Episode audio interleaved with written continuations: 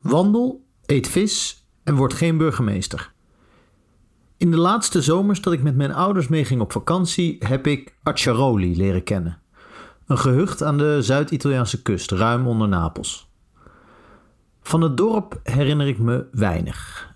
Er staat me alleen iets bij van een incident op een steilweggetje, waarbij een tegemoetkomende tractor, onze gezinsauto en een stapel schadeformulieren betrokken waren.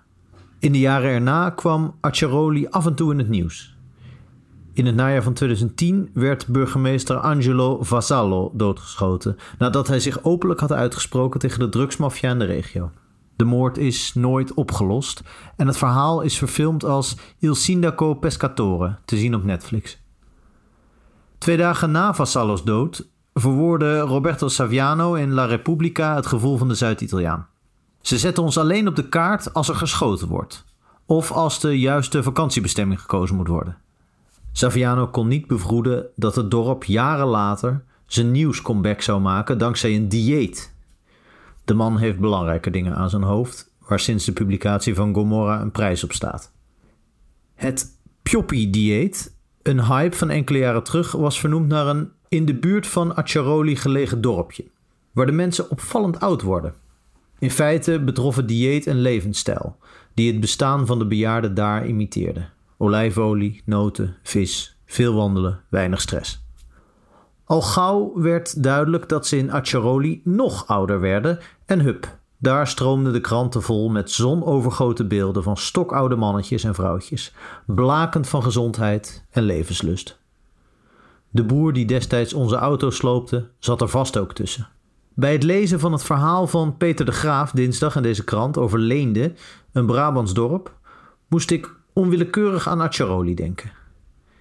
In Leende leven talloze dorpelingen volgens de regels van de voedingsleer van ene professor Noakes. Die leer klinkt veelbelovend. Vet eten en toch afvallen. De emmers Griekse yoghurt zijn er niet aan te slepen. Ook het eten van vlees wordt aangemoedigd. Niet iedereen houdt het vol. Mensen die opgeven worden in het artikel afvallers genoemd. Een schrale troost. Belangrijk aspect van Noakes theorie is dat het voedsel echt moet zijn, geen nep eten. Of zoals de plaatselijke huisarts het formuleert: gezonde voeding heeft geen etiket. Stukje etiketshaming lijkt me, geworteld in overdreven eerbied voor het begrip echt. Plotse bewustwording op het ene vlak leidt vaak tot bewustzijnsvernauwing op het andere. Want lekker veel vlees eten echt? Lees die Noaks wel eens een krant? Er is meer dan je eigen gezondheid alleen. Schrijver Julie C. omschreef zaterdag in deze krant de worsteling van de moderne mens die het op geen enkel front fout wil doen. Bespaar en eet etiketten eten. Dieet en vergroot je ecologische voetafdruk en het dierenleed. Gevolg krampachtigheid en permanente twijfel. De onzekere, moralistische strebers die door het romans struikelen, vormen zo een pracht van een afzetmarkt. Aan de randen van min of meer gemiddeld gezond gedrag staan de dieetverzinners, Instagram-modellen, oertijdeters, pjoppie-apostelen, rauwwaterdrinkers en andere hele en halve garen te wapperen met uitstekende, goed bedoelde en of krankzinnige voedingstips. En allemaal beloven ze houvast in de vorm van gezondheid tegen geringe vergoeding. De foutloze levensstijl als moderne god.